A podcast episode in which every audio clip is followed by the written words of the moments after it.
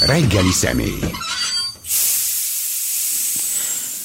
Ez Bíró Zoltán, történész Oroszország kutató van itt velünk. Jó reggelt kívánok! Jó reggelt kívánok!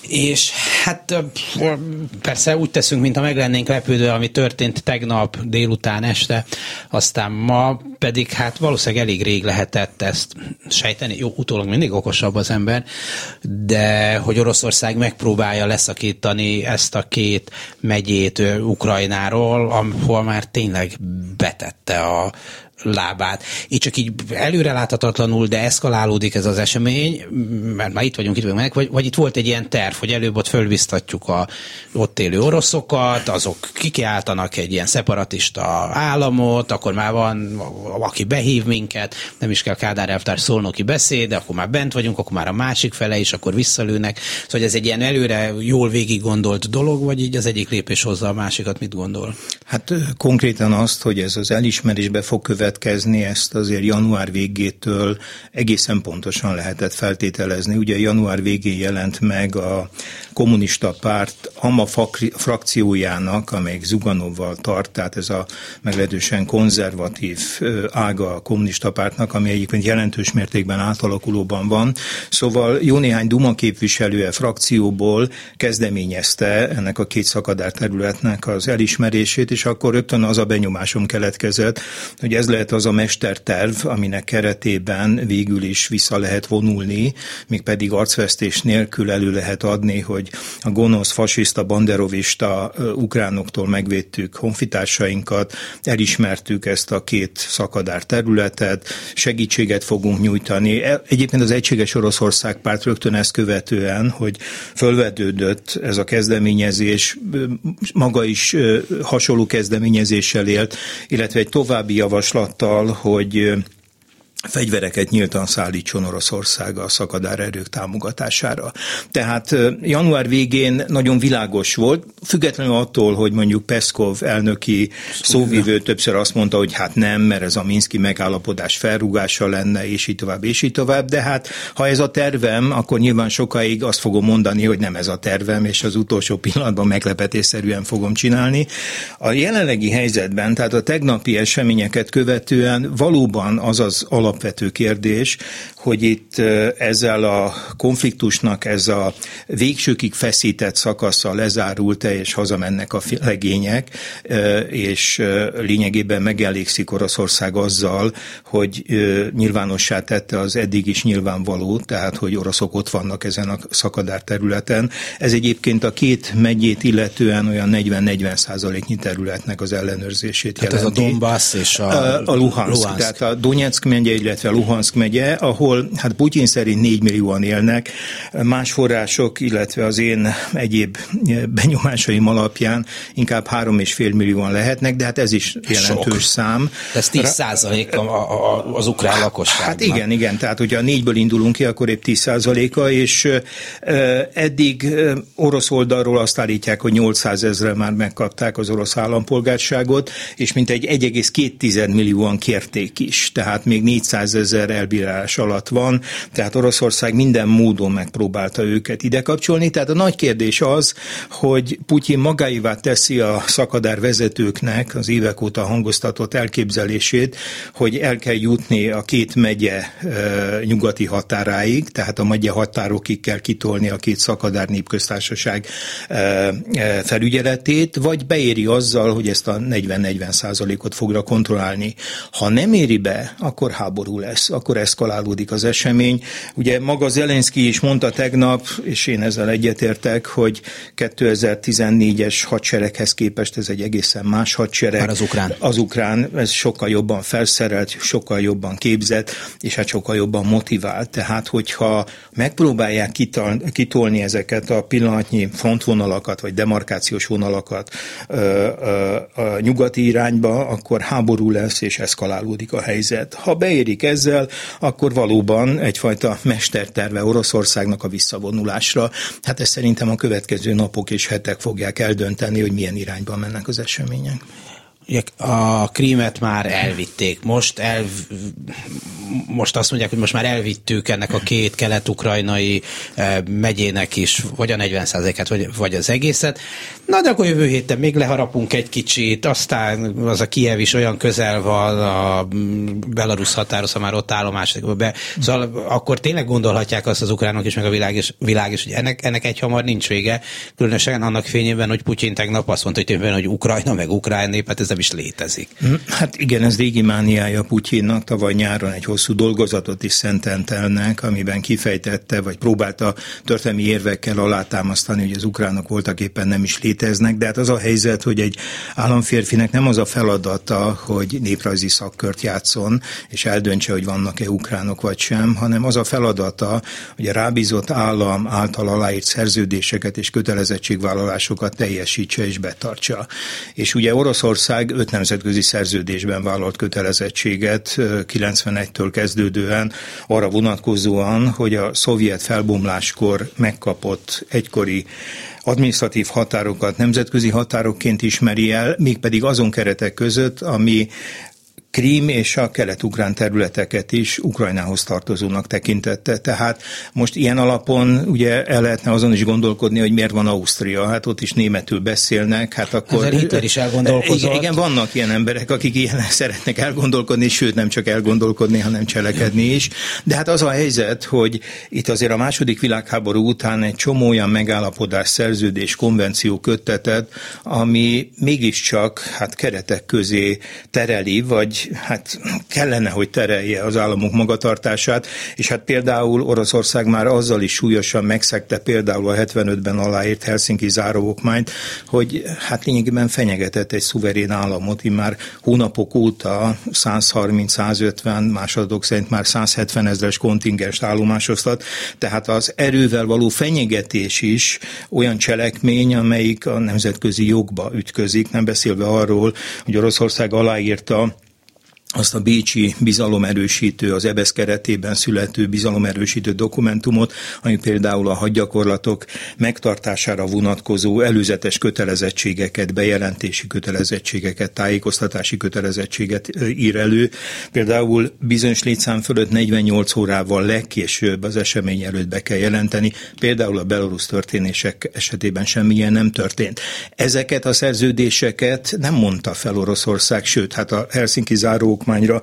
Például abban a két ultimátumban, amit december 15-én átadott az Egyesült Államoknak és a NATO-nak, annak preambulumában hosszan idézi azokat a dokumentumokat, amelyre hivatkozva próbál bizonyos jogokat szerezni, köztük egyébként a Helsinki záróokmányt. De hát a Helsinki záróokmány nem csak a, az erővel való fenyegetést tiltja, de hát kifejti a szuverén egyenlőség elvét is, amiből fakadóan például semmiféle jogosultsága nincs annak meghatározására, hogy szuverén állam milyen külpolitikát folytat, illetve milyen szövetségi rendszerhez tartozik. Na de éppen ez a birodalmi politika, nem, hogy teszünk az egyezményekre, vagy azok addig számítanak, ameddig nekünk jók, utána meg erővel megpróbáljuk lenyomni, és hát miközben Nyugat-Európa nyilván óvatos ebben a dologban, nem akar embereket föláldozni, kockáztatni, nem tudom micsoda.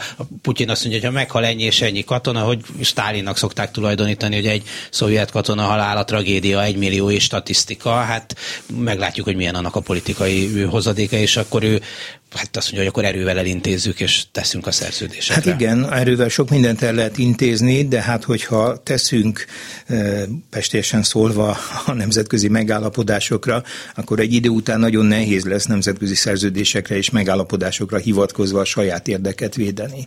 És hogyha a nyers erő fog dominálni, akkor nyilvánvaló, hogy az a nyugat, amelyik próbál tartózkodni az utolsó pillanatig, sőt talán azon túl is az erővel való fenyegetéstől, Hát nyilván olyan szankciókat kell, hogy elrendeljen, ami fájjon Oroszországnak. Egyéb iránt a tegnapi bejelentés, tehát az, hogy hogy szuverén államként ismerte el ezt a két kis területet, illetve hogy elrendelte, hogy békefenntartás céljából orosz erők most már nyilvánosan behatoljanak ezekre a területekre.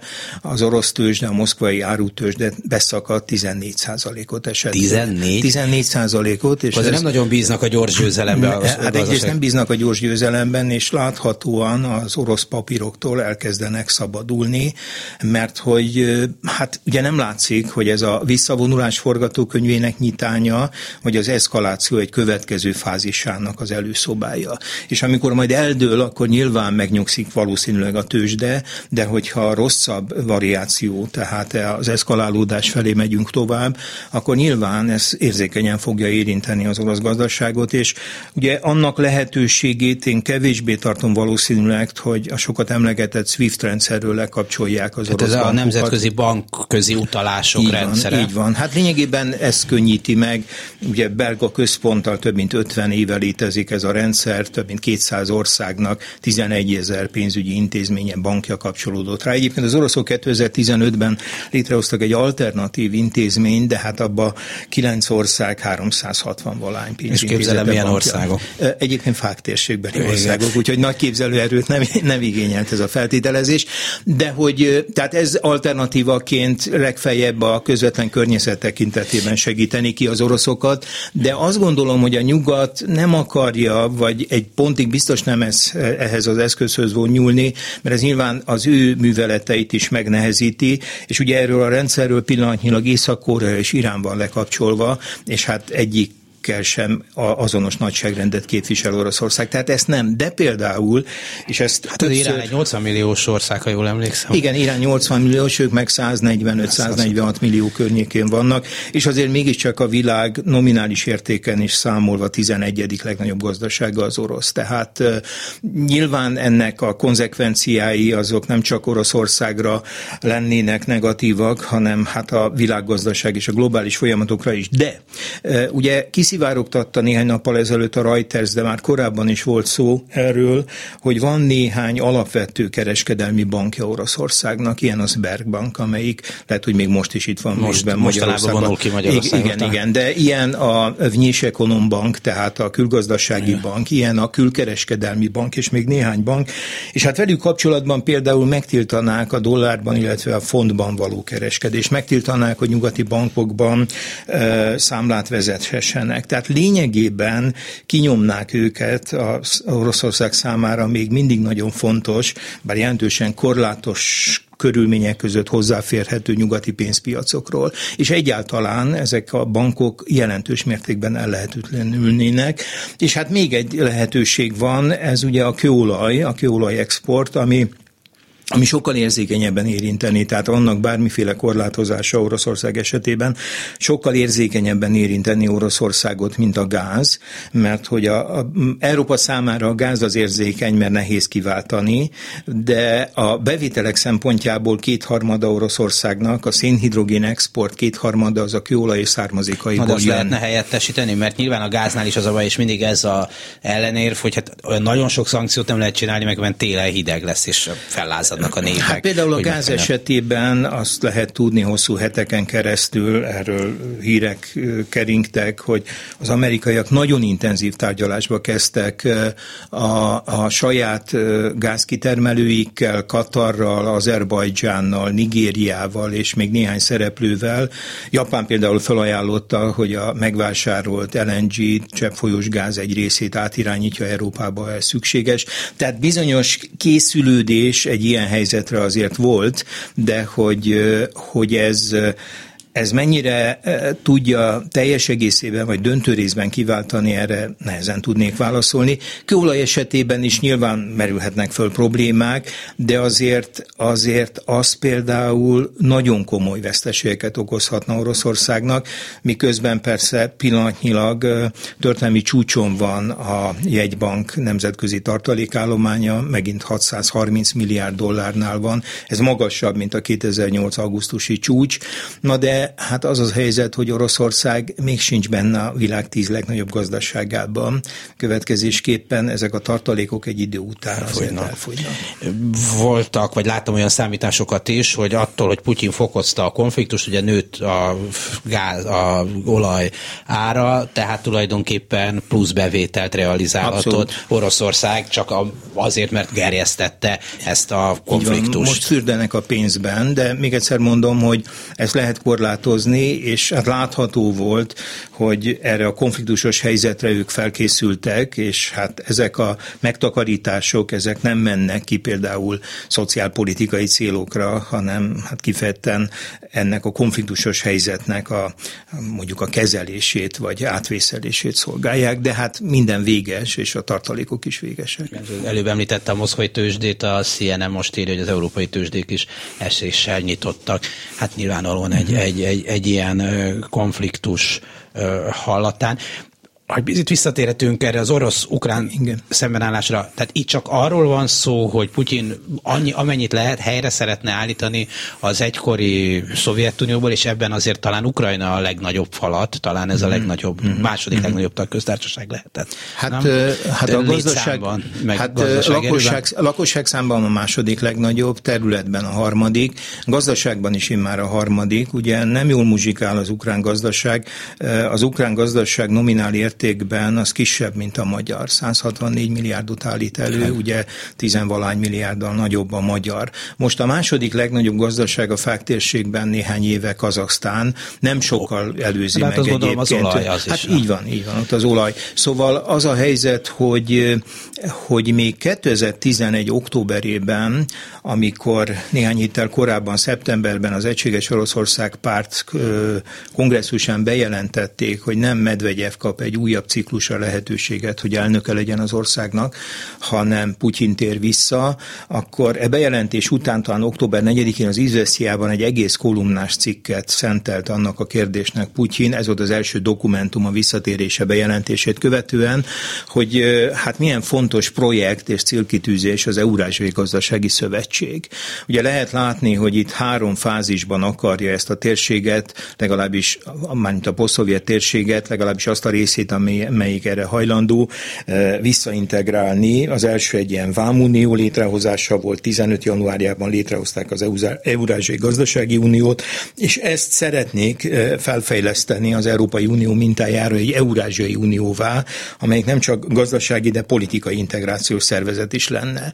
És amikor 11-ben ezt a hosszú cikket eh, előadja, mint egy jelezve egyébként, hogy a visszatérését követően a legfontosabb célkitűzés döntése lesz az egykori szovjet térség geopolitikai újjászervezése, mert úgy érezte, hogy itt van az utolsó pillanat, amikor ezt még Oroszország vezetésével meg lehet tenni. Akkor ebben a cikkben hát legalább háromszor kifejtő, hogy természetesen erőszakkal senkit oda be nem kényszerítünk. És hát nagyon gyorsan kiderült, hogy hát erőszakhoz kell folyamodni, vagy nagyon komoly nyomásgyakorláshoz, majd később erőszakhoz Ukrajna esetében, és valóban miután hát politikai és gazdasági szempontokat, ha egyaránt figyelembe veszek, akkor azért kétségtelen, hogy Oroszország után Ukrajna a legfontosabb a posztszovjet térségben. És van még egy érzelmi dolog, hogy hát ők is keleti szlávok. Igen. Ugyanúgy ortodoxok, keleti keresztények. A nyelvük is, bár különböző, de mégis nagyon közel van. Érzelmileg is, ugye nem volt egyszerű elengedni Közép-Ázsiát, de hát Istenem, azok ott szunita muszlimok, világ, törökül igen. meg. nagyon másik más. világ, igen. Nem volt könnyű a transzkaukázust elengedni elengedni, de hát az is egy más világ. A legkönnyebb ugye a baltiakat volt, azokat még a szovjet felbomlás előtt 91. Eh, szeptemberében teljesen legitim körülmények között elbocsátják. Hát meg az ugye az a 41-be kerülnek csak a Szovjetunió, tehát 41-ben relatív elég késő. 40-ben, 40 ben. Egyébként pont azon a nap vonulnak be Rigába, amikor a nácik bevonulnak Párizsba. Úgyhogy azt akarom csak mondani, hogy a három keleti szláv ország, tehát Belarus és Ukrajna és Oroszország, hát itt van egy érzelmi kapocs is. És hát láthatóan Putyin nem tudja feldolgozni most a geopolitikai, gazdasági, népességi fontosságon túl, nehezen tudja érzelmileg feldolgozni, hogy itt elmehet Ukrajna, és hát nem biztonsági problémákról van természetesen szó, hiszen például a tegnapi hosszú szózatában is ismét megismételte Putyin, hogy hát a nyugat az ő biztonsági igényeikre nem reagált, nem fogadja el, támadó fegyverek telepítésével kapcsolatban nem ad garanciát. Na tehát az a helyzet, hogy pont ez az a terület, ahol a nyugat nagyon világosan, mind az Egyesült Államok, mint a NATO jelezte, hogy vannak olyan legitim biztonsági igényei Oroszországnak, amiről hajlandó tárgyalni. Nagyon fontos területekről. Tehát egész egyszerűen nem mond igazat Putyin, amikor azt állítja, mondjuk nem először teszi ezt, amikor azt állítja, hogy ezzel kapcsolatban nem kapott semmiféle pozitív visszajelzést. Tehát nem arról van szó, hogy Ukrajna biztonsági fenyegetést jelentene Oroszországnak, különösen akkor, hogyha a NATO tagja lenne. Példának okáért de hát a rossz szó sincs, hogy a NATO tagja hát lenne. Először is a következő tíz évben elképzelhetetlen, de szerintem a további időszakban is. És a 97-es Párizsi alapítókartában, amikor is az orosz és a NATO kapcsolatok új alapokra helyeződtek, ott a NATO két ígéretet tett. Az egyik, hogy az új tagok területére nukleáris fegyvereket nem fog telepíteni, ez betartásra került. A másik, hogyha nem tartja indokoltnak, a, tehát nem úgy alakul a nemzetközi helyzet, akkor sem a régi, sem az új ö, NATO országok területén az erőit nem fogja növelni. És hát lényegében az ukrajnai válság 14-es belobbanását megelőzően ezt maradéktalanul betartotta, utána a baltiak és a lengyelek érzékenységét figyelembe véve rotációs alapon ideglenesen, hát szimbolikus jelentőségben elkezdett telepíteni oda. Nem nemzeti hadseregeket, hanem NATO erőket, de ezeknek inkább szimbolikus politikai jelentősége van, semmint katonai. Tehát ilyen értelemben, eh, ha föl is vennék a NATO-t, miközben sikerülne biztonsági megállapodást kötni Oroszországgal, az nyilván Oroszország biztonságát nem fenyegetné. A probléma az, hogyha a NATO integráció sikerül Ukrajnának, akkor ennek a területnek a visszaintegrálása, egy új eurázsiai nagy térség kialakítása, annak a leménye elmegy, és erről van szó, ami egyfajta érzelmi töltetet is kap itt a közös szláv tudat keretében. Ez Bíró Zoltán történész Oroszország kutató a vendégünk. Ugye nézzük ezt meg ukrán oldalról is. Ugye Ukrajna az, a Szovjetunió részévé válik, és nem feltétlenül minden ukrán boldog ettől, hiszen sokáig azt gondolták, hogy létrejöhet egy független Igen. Ukrajna már akkor, azt is tudjuk, hogy voltak, ahol köszöntötték a bevonuló német csapatokat 41 után, mert azt hitték, hogy jó nagy tévedés volt persze, hogy ez hozza el nekik a Szovjetuniótól való függetlenést, és 40-es évek végéig is, talán még, talán még az 50-es években is voltak. Bizony, fő, tíz éven keresztül háborúk. Nyugat-Ukrajnában tíz évig tartott, míg a KGB-nek, illetve korábban az NKVD-nek sikerült ezeket megfékezni. Ugyanakkor azért a 45 utáni időben egy erős orosz, oroszizálás folyt uh, Ukrajnában, tehát a felsőoktatás jó része orosz nyelvű volt, az értelmiség egyre inkább orosz nyelvűvé vált, tehát mikor Ukrajna függetlenné válik a Szovjetuniótól, vagy elszakad Oroszországtól, akkor ott egy visszauk ukránusítási program indul, talán itt már elmondtam, hogy nekem az volt a legfeltűnőbb, hogy a vodkára is új szót kellett alkotni, a uh-huh. gorilka vagy horilka szót, pedig az aztán egy elég nemzetközi szláv szó hogy, hogy, hogy hát az ukrán népességnek egy jó része orosz anyanyelvű, még talán Zelenszky elnök is, ha jól emlékszem, orosz anyanyelvű. Tehát, hogy, hogy azért elég szoros volt ez a ez a kulturális kapcsolat, és szerintem egy csomó ember nem is feltétlenül határozta magát úgy meg Ukrajnába, hogy ő, hogy ő ukrán. Meg, vagy, hát ha, vagy, az, vagy az anyanyelve, vagy orosz anyanyelvű ukrán, nem tudom. Igen, igen, abszolút. Tehát, hogy aki magát egyébként lehet, hogy etnikai ukránnak tekintette, de nagyon jelentős részük sokkal nyilvánvalóbb és kézenfekvő módon szólalt meg oroszul, mert könnyebb volt, mert törte az ukránt. És hát nyilván a függetlenné válással az egyik ilyen kulturpolitikai törekvés lépésé vált ennek a nyelvnek a megerősítése, de hozzáteszem, a 80-as évek végén, amikor belobbannak a szovjet belső perifériának különböző nemzeti mozgalmak, ezek az önállósodási törekvések, akkor Ukrajna ebben egyáltalán nem jár elől. Mhm. Kicsit van előtte Belarusnak, de igazán, igazán nincs. Tehát pont ez a, ez a, hogy is mondjam, ez a nagyon szoros kulturális nyelvi kötődés, közelség az orosz közelség, de nem azonosság. Ez azért nagyon erősen munkált, és aztán folyamatosan alakult ki ez a, ez a erősödő ukrán identitás, de itt is ugye nagyon ellentmondásos ez a folyamat, amikor a narancsos forradalmat követően 2005 elején Jussenkót, a nyugatos tábor vezetőjét iktatják be, akkor ahelyett, hogy nagy erőfeszítéseket téve részben az oligarchák hatalmát megtörni, részben pedig felkészíteni az az országot a ma nagy történelmi célkitűzés teljesítésére, hogy középtávon alkalmas legyen az Európai Uniós tagságra, mert hogyha volt konszenzus az ukrán társadalmon belül, akkor az Európai Unióhoz való közeledés, majd egy távolabbi perspektívában a tagság volt az. Minden más fundamentális kérdésben, legyen az NATO tagság, legyen az emlékezet politika, legyen az Oroszországgal kapcsolatos politika, minden ilyen területen nagyon megosztotta az ukrán társadalom, és hát Jusenko többek között elkövette azt a súlyos hibát, hogy elkezdett emlékezett politikai csatákat folytatni, teljesen értelmetlenül, mert nem a konszenzust, hanem a diszenzust erősítette az országban, mert nem csak a 20. századi történelemre, második világháborúra, a Haladamor, Galadamor, a nagy éhénységre, tehát hogy nagyon, nagyon, tehát nem csak a közelmúltra vonatkozóan, hanem a 18-19. század, vagy még korábbi időszakra vonatkozóan, és hát egészen más történelmi elképzelésekkel élnek nyugaton, illetve keleten, tehát az az egyik tragédiája Ukrajnának, hogy a nemzetépítés során igazán nem tudja a történelme, a közös történelmi emlékezetet mozgósítani, mert ilyen nincs. Mert hogy nagyon sokféle történelmi emlékezet van, és akkor azt hiszem hiba annak forszírozása. Jellemző, a Jusenko idején már hatalmas igyekezettel próbálták a társadalmat meggyőzni arról, hogy Ukrajnának NATO taggá kéne válni, de jellemző, hogy az ukránok 30%-ánál nagyobb aránya soha nem akart ebben a periódusban NATO tagni. Most kétharmada akar.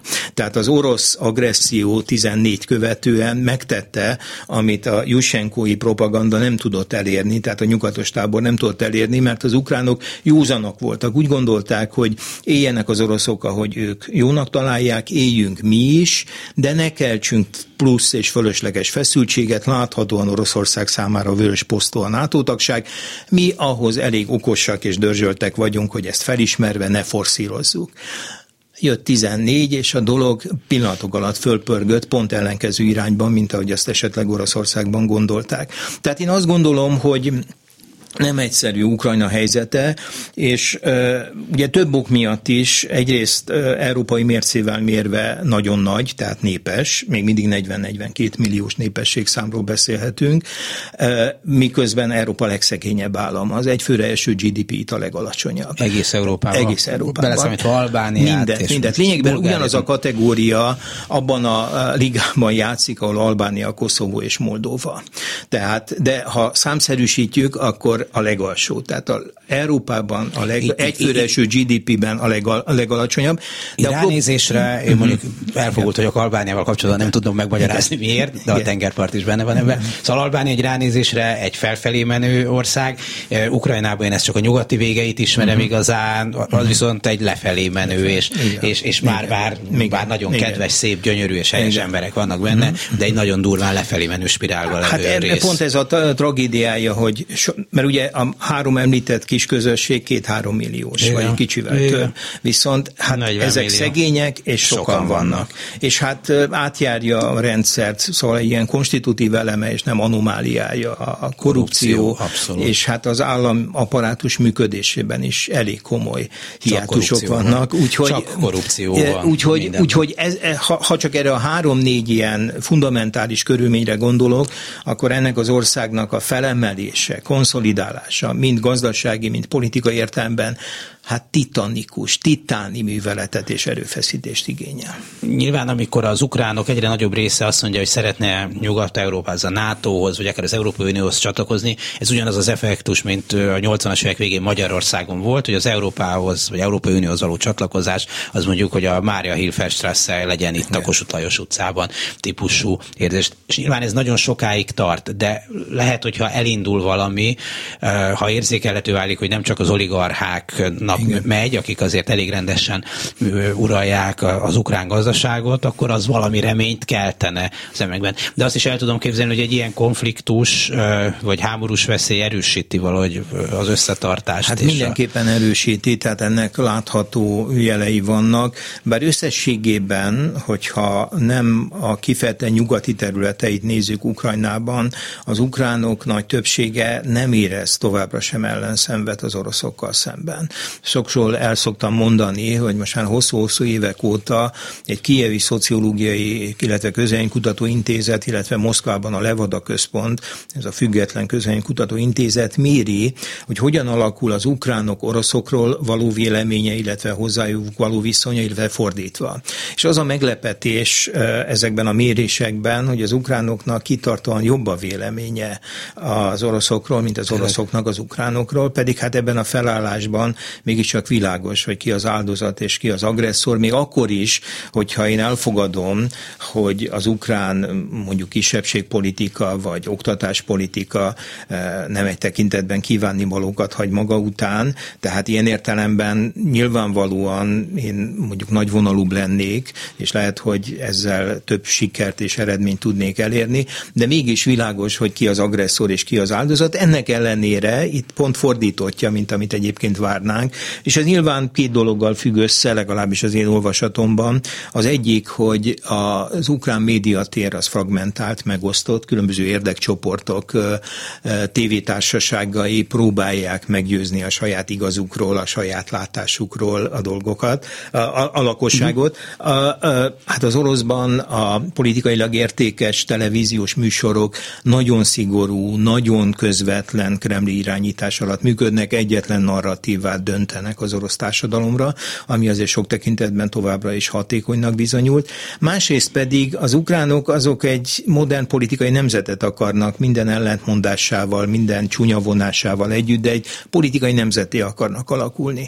És az oroszok is elindultak ezen az úton 90-es években, sőt még azt gondolom, hogy ezen az úton haladtak Putyin első két elnökségének időszakában is, és aztán lassan lappangva, most már egyre nyíltabban egy ilyen birodalmi fordulatot tesznek, és ha birodalmi szemléletem van, akkor én illetékesnek érzem magam nem csak a saját ügyeimben, hanem az egykori birodalomhoz tartozó más népek ügyeiben is. Tehát ez is oka lehet annak, hogy ez a propaganda hat, hogyha kombinálódik ezzel a visszaépülő birodalmi szemlélettel, attitűddel, akkor, akkor ez a furcsa eredmény jöhet ki, hogy az ukránok jobban vélekednek az oroszokról, mint az oroszok az ukránokról. Nyilván nem lehet ilyen közvetlen párhuzamokat vonni, de a szerb-horvát háborúk sok szempontból hasonlóak, hogy ott is ugye egy szövetségben vannak. Együtt van egy dominánsabb országrész ebben, amelyik nem hát nem tudom, egy ország el tud-e bármit is, ez egy képzavar, szóval amelyek aktuális politikai vezetői nem tudják elviselni azt, hogy leválnak róla részek, és azt gondolják, hogy erővel ezt meg lehet állítani, amiben ott belehalt, nem tudom, százezer ember, vagy még, vagy még több. És most nyilván ez egy teljesen másik helyzet, meg atomhatalom, meg, meg a nemzetközi, meg, meg, meg eltelt azóta 30 év, vagy 25, vagy mit tudom mennyi, de hogy nagyon sok párhuzam van azért Igen, van párhuzam, és nagyon jó a példa abból a szempontból, hogy milyen óriási szerencséje a világnak és a posztszovjet térségnek, hogy a 90-es években mind Oroszországban, mint a egykori szovjet belső periférián olyan emberek voltak, akik kultúráltan lényegében a belső határok elismerésével el tudtak válni.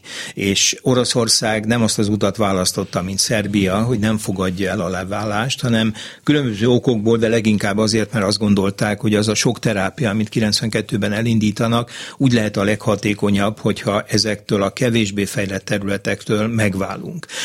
Látjuk, hogy ha, ha, ha azt az utat választotta volna, mint a Milosevicsi Szerbia, akkor akár apokaliptikus végkifejlete is lehetett volna a történetnek, nem ez lett. De a délszláv ügyben van azért egy elem, amelyik élesen elválasztja mondjuk az ukrán-orosz, illetve igen, az ukrán-orosz konfliktust, ott van egy felekezeti különbség. Tehát a latin kereszténység és, és az ortodoxok, ortodoxok. így van. Igen. Ez viszont itt ebben az esetben nincs, az más kérdés. Hogy az ukrán egyház, pontosan ezt akarta, Így tehát van, egy autókefál egyház Így van, néhány évvel ezelőtt megkapták azt a e, Tomoszt a, a, a, a Konstantinápolyi Egyetemes Pátriarchától, amivel lényegében elindul az a folyamat, hogy autókefalitást, tehát ez egy önálló egyház. Bár ez is nyilván, ez nagyon sok görög katolikus volt ezen a területen, akiket aztán a szovjet időben pravoszlavizáltak, tehát még bonyolultabb igen, ez, igen, a, ez a dolog és, és a délszláv válságban most még egy perc, hogy ugye ott volt Koszovó helyzete, ami Szerbia Igen. része volt, és tulajdonképpen a világ azt mondta, hogy igazságos az, vagy a világ, ez nem jó kifejezés, de az Európai Unió többsége, egyébként itt sem minden európai országban, azt hiszem Spanyolország Igen. és talán Csehország sem ismerte. És Románia sem. És Románia érdekes, Tehát, hogy egy, nem. Egyébként ott, ahol van félelem a szecessziótól, ott nincs elismerés. Ukránok sem, mint nem Európai Uniós tag, ukránok sem ismerik el. Tehát ott van a nem elismerés Koszovó Egyesült Államok Igen. kreált, ugye Clintonnak Igen. szobra van, Igen. Pristinával elég Igen. ronda szobor, Igen. de szobor, az amerikaiak nagybecsben állnak, és ilyen Európai Uniós kormányzás alatt áll. Tehát Koszovónál azt mondták, hogy oké, okay, az leszakadhat, és azért az albán politikában van egy, és nyilván nem erről akarunk most beszélni, de van egy olyan hang, hogy Koszovót előbb-utóbb Albániához kell uh-huh. csatolni, hiszen onnan a uh-huh. szerbeket kétségül elűzték. De azt azért tegyük hozzá, hogy egy évtizedbe telt, mire föladták azt a reményt, hogy benne lehet tartani a szerb áramkeretben. Tehát, hogy ugye... még több hát, is. Hát, hát 99... Még a ugye, időkben elkezdődtek a konfliktusok. Nem, nem, arra gondolok, szóval. hogy ugye 99-ben volt kis Jugoszlávia ja, bombázása, és ja, akkor van az a kb. 700 ezeres koszovói albán elüldözés, és van az a polgárháború, amiben 11 ezer ember hal meg, és abból 10 ezer koszovói albán és ezer szerb, és ugye ekkor lépnek fel márciusban ugye BT határozat nélkül, mert az oroszok ezt megakadályozzák, és hát ehhez képest ugye 2008 februárjában történik a lényegében a kiszakítás, a függetlenség elismerése, és hát nem az történik, mint ugye a Krím esetében, hogy hozzá, hozzácsatolják az Egyesült Államokhoz, vagy bármelyik más országhoz. Bár ezt többen szeretnék Igen, lehet. nyilvánvaló. Tehát, hogy ezt csak azért említem, mert ugye a Krím kapcsán, amikor 2014-ben megtörténik február-márciusban a leszakítása, akkor ugye a koszovói példát hozták elő, de hát Koszovó esetében van hát etnikai tisztogatás, nagyon komoly következményei vannak ott a szembenállásnak, és mondom, egy évtizedig tart ki, vagy próbálgatják azt a lehetőséget, hogy ne kelljen ezt meglépni,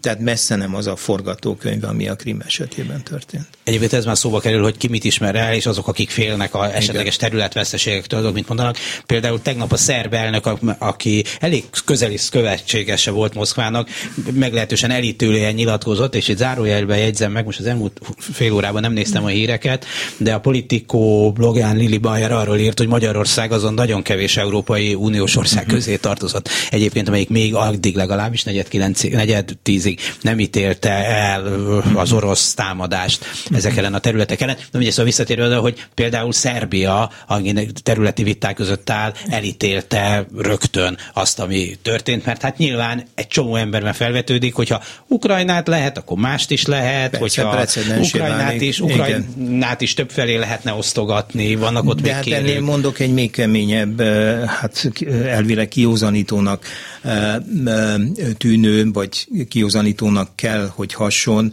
hogy a Müncheni Biztonságpolitikai Nemzetközi Konferencián jelen volt a kínai külügyminiszter. Az orosz delegáció ugye hetekkel korábban bejelentette, hogy nincs oka jelen lenni.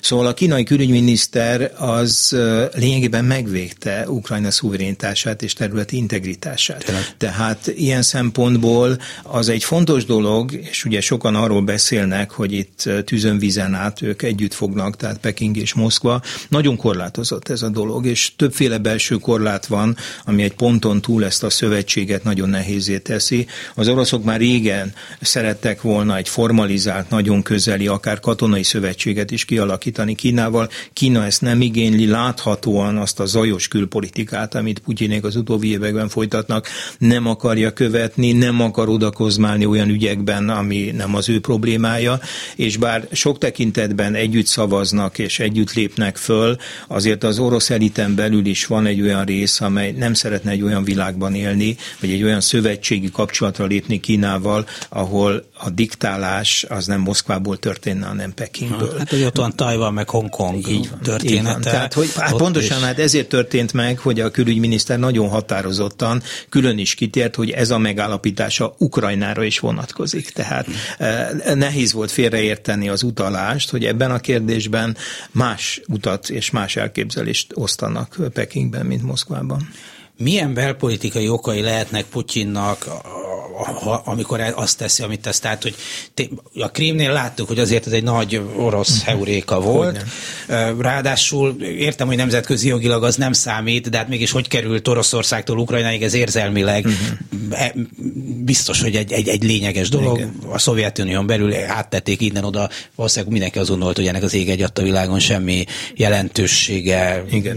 nincsen, tehát kevésbé tűnik orosz szemmel, én ezt elfogadom, elfogadhatónak, hogy nem is tudom minek. De, de most mire számít Putyin, hogy, hogy mert hát nyilván lesznek áldozatok, emberáldozatok, halottak, gazdasági nehézségek a dologból, és hát, hogy mit tud elérni, az is elég kétséges. Jó, azért szögzítsük, hogy még nem tudjuk, hogy lesznek-e áldozatok és halottak, tehát nem hát tudjuk, ez hogy... valószínű azért, nem? nem, nem, nem tudjuk, én azért mennyit, nem, nem, nem mernék nagy tétekben fogadni arra, hogy Putyin akar tovább menni az úton, de látva egyébként, érdekes, hogy megnéztem tegnap ezt a hosszú beszédét, szózatát, amivel fölvezette. A külseje is a, elég ijesztő Nagyon dühös volt, és azt hiszem a tehetetlenség dühe volt benne, tehát nagyon hiteltérdemlően és nagyon keményen akarta mindazt előadni, amit ott előadott, de valahogy a, a, a tehetetlenség dühét éreztem, és abból én azt szűrtem le, lehet, hogy tévedek, napok, hetek múlva ki fog derülni, de nekem az volt a benyomásom, hogy ez inkább a visszavonulásé. De ha, ha nem ez történik, hanem belemegy, tehát involválódik egy ilyen háborúba, akkor egészen más lesz ennek a következménye, mint volt a Krím. Tehát ebben viszont egyetértünk. Ugye a Krím annektálása vér nélküli pikpak megtörtént, nagyon ügyesnek, hát teljesen el volt ragadtatva, tehát ilyen eufórikus öröm fogadta a, az orosz társadalomban. Most egyébként néhány héttel ezelőtt mérte a Levada központ, hogy egy ilyen háborúra, egy ilyen, ebben a háborús hangulatban hogyan készül fel az orosz társadalom egy esetleges háborúra, hogyan viszonyulna hozzá, és ez hogyan tükröződik Putyin népszerűségén, és meglepő módon Putyin népszerűségét egy kicsit fölemeli.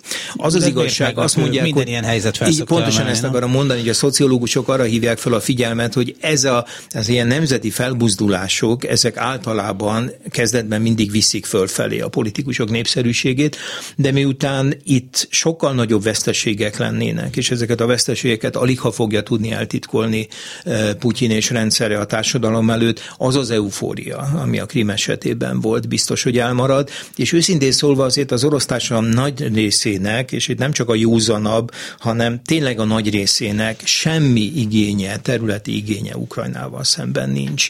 Tehát, hogy, hogy, ez, a, a, Krím, a Krímnél ott volt. A, tehát, az, ez az érzés nincsen, hogy nagy hatalom voltunk. Hát nyilván van egy idősebb nemzedék, illetve a, a rezsim részét képező és azok által jól tartott része az orosz társadalomnak, na de ez a nosztalgia a fiatalabb nemzedékben azért már kevésbé van jelen.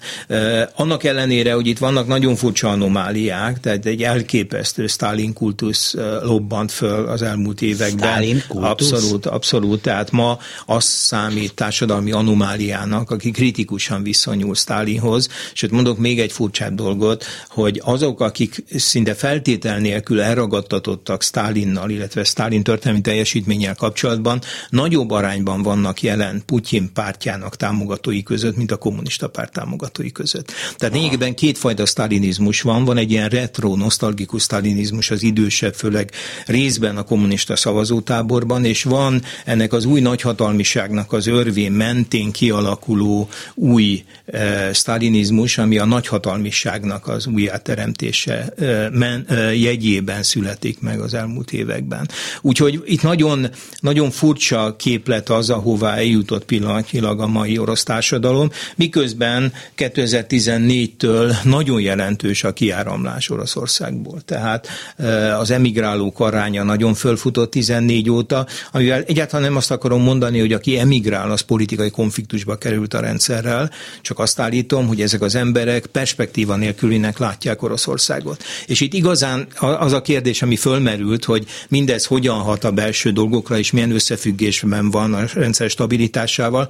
Szóval az a helyzet, hogyha valaki szoros figyelemmel követi az orosz belpolitikai alakulását, akkor az a benyomása, hogy egyfajta történelmszünet, egyfajta perspektíva nélküliség alakult ki. A rendszer nem tud valami jövőre vonatkozó mozgósít, a szónak most ebben a nemes értelmében valami mozgósítót mondani, üzenni, perspektívát vesztett a putyini rendszer, és ezt a társadalom jelentős része érzékeli. Ez a Brezsnyevi pangás modell Bizonyos értelemben igen. Bizonyos értelemben igen, persze sok mindenben még mindig más, tehát a Brezsnyevnél, hogyha nem a hivatalos álláspontot képviseltél, akkor rögtön az illegalitásba kényszerültél, tehát szamizdatba, tamizdatba fejthetted ki, annak ellenére, hogy az elmúlt másfél évben letarolták szőnyegbombázásszerűen a, a, a civil szervezeteket, illetve a független sajtó nagy részét, azért még mindig eh, vannak olyan független felületek, ahol te még tudsz tájékozódni, tehát sok tekintetben nem azonosítanám a Brezsnyev rendszerrel, a perspektíva nélküliség, a történelmszünet tekintetében érezném ezt a, ezt a párhuzamot megalapozottnak. Vagyis azt mondja, hogy Putyinnak, hogyha eszkalálni szeretné ezt a konfliktust, nem feltétlenül lenne otthoni támogatottsága, vagy ez nem növelné a támogatottságát? Azt hiszem, hogy ebben az esetben semmiképpen. Különösen, hogyha jönnek a, a, a sebesültek és a halottak, és biztos, hogy jönnek, ez egy másfajta háború lenne, és egy másfajta konfliktus lenne, mint ami volt 14-ben. 14 áprilisától, illetve 15-ben, amikor a reguláris, orosz reguláris erők többször bekapcsoltak a konfliktusba, ugye egy bennem való zajlott szégyellős háborúnak is vannak áldozatai, és ezek az áldozatok egy idő után kiderülnek, és most az áldozatok sokkal, de sokkal nagyobb számban lennének, és hogy akkor nem sikerült eltitkolni, így most se sikerül majd ezt eltitkolni, és erre az orosz társadalom biztos, hogy nem egyetértően vagy lelkesülten fog reagálni. Hát na, a mai világban valószínűleg jóval nehezebb valamit eltitkolni, mert akárhogy is korlátozzák az internetet, mégsem lehet azért már úgy titkolózni, mint ahogy egyébként. Hát rá, ráadásul, ráadásul visszakanyarodva a beszélgetésünk legelejére, az a szakadárok által tett videónyilatkozat, ami 18-án bejelenti, hogy milyen fenyegetettségben van ez a két szakadár terület, az két nappal korábban az vették fel a metaadatok alapján, Igen. sőt azt is, hogy milyen mappából töltötték föl, tehát látható. Is. tehát, hogy, hogy ilyen értelemben még, még itt is nem volt, sőt, hát a tegnapi nemzetbiztonsági tanácsi ülés, tehát az orosz nemzetbiztonsági tanács, amit úgy konferáltak föl a tévénézőknek, hogy egyenes közvetítés van, hát arról is a Meduza nagyon pontosan több érvel kimutatta, hogy felvételről a, sugározták. A, a Meduzát azt én állandóan figyelem, mert van egy ilyen, itt is nyitva valahol van egy ilyen angol nyelvű oldal, amit szeretném van egy olyan feltételezés, hogy tulajdonképpen a putyini politika megelégedne akkor, hogyha Ukrajnában egy orosz barát vagy orosz barátabb kormány lenne, ha nem is feltétlenül olyan, mint Lukasenka Belarussa, de hogy azért egy ilyen kezesebb az oroszal, és akkor akkor már azokkal jobban ki lehetne egyezni. Hát nyilván, nyilván ez is egy olyan forgatókönyv, amin valahol dolgoznak, ott van B vagy C tervként, de hát egyelőre nehéz elképzelni mindazok után, ami történt Ukrajnával az elmúlt hosszú-hosszú években, hogy egy ilyen orosz barát rendszer, vagy orosz barátabb rendszer mennyire tudná a hatalmat konszolidálni és föntartani közvetlen orosz katonai vagy egyéb segítség nélkül. Úgyhogy igen, biztos biztos, hogy ez az forgatókönyv is ott van, csak hát, hogy mennyire reális ez a mai Ukrajnában, az viszont nagyon kérdéses. Igen, tehát az, amit a hírekben látunk tehát, hogy Putyin tegnap bejelentett, hogy ez a két szakadár megye, népköztársaság. Népköztársaság, hivatalosan népköztársaságnak hívják Rég mondtam ki ezt a szót. Igen. Ezt elismerjék ide, békefenntartó katonákat, orosz katonákat küldenek, na de a világ nagyobb része ezt se békefenntartásnak, se elfogadott köztársaságnak, népköztársaságnak pláne nem tekinti, és hát a szankciók körül forog a dolog, és aztán kiderül majd, hogy eszkalálódik-e a, a, ez a háború. Bár ugye verbálisan már azt mondják, hogy na hát ez már a harc elkezdése, hiszen csapatok indultak el, Igen. amelyek ott voltak a szomszédban, tehát hogy nagyon a... Hát végül is egy szuverén ország területére mentek be ezek a csapatok azok után, hogy ezeket önállóvá nyilvánították, de hát nincs ország pillanatnyilag, amelyik Oroszországon kívül tudomásom szerint ezeket szuverén államként. Hát lehet, hogy Belarus, bár érdekes, hogy Belarus például a Krímet máig nem ismerte el Oroszország részeként. Tehát az Eurázsiai Unió, Gazdasági Unió négy szövetséges állama közül egyik sem ismerte el hivatalosan, hogy Krím Oroszország Oroszországhoz tartozik. Tehát valami ott nemzetközi jogilag mégiscsak hibázik, hogyha a legközelebbi szövetségesek sem voltak erre hajlandók. Köszönöm szépen Ezbíró Zoltán történésznek, Oroszország kutatónak, hogy ezt elmondta. Önöknek pedig köszönöm szépen az egész reggeli figyelmet. A mai műsorban két kérdéssel foglalkoztunk, alapvetően az orosz-ukrán konfliktus háború, a másik pedig, hogy mi történt Iványi Gáborékkal. A hírekben folyamatosan beszámolunk majd, és további műsorunkban is mindenről. A mai műsor elkészítésében munkatársaim voltak Budai Márton, Leocki Mírjám itt a stúdióban, Bencsik Gyula és a szerkesztő Korpás Krisztina, Dési Jánost hallották. A viszonthallásra!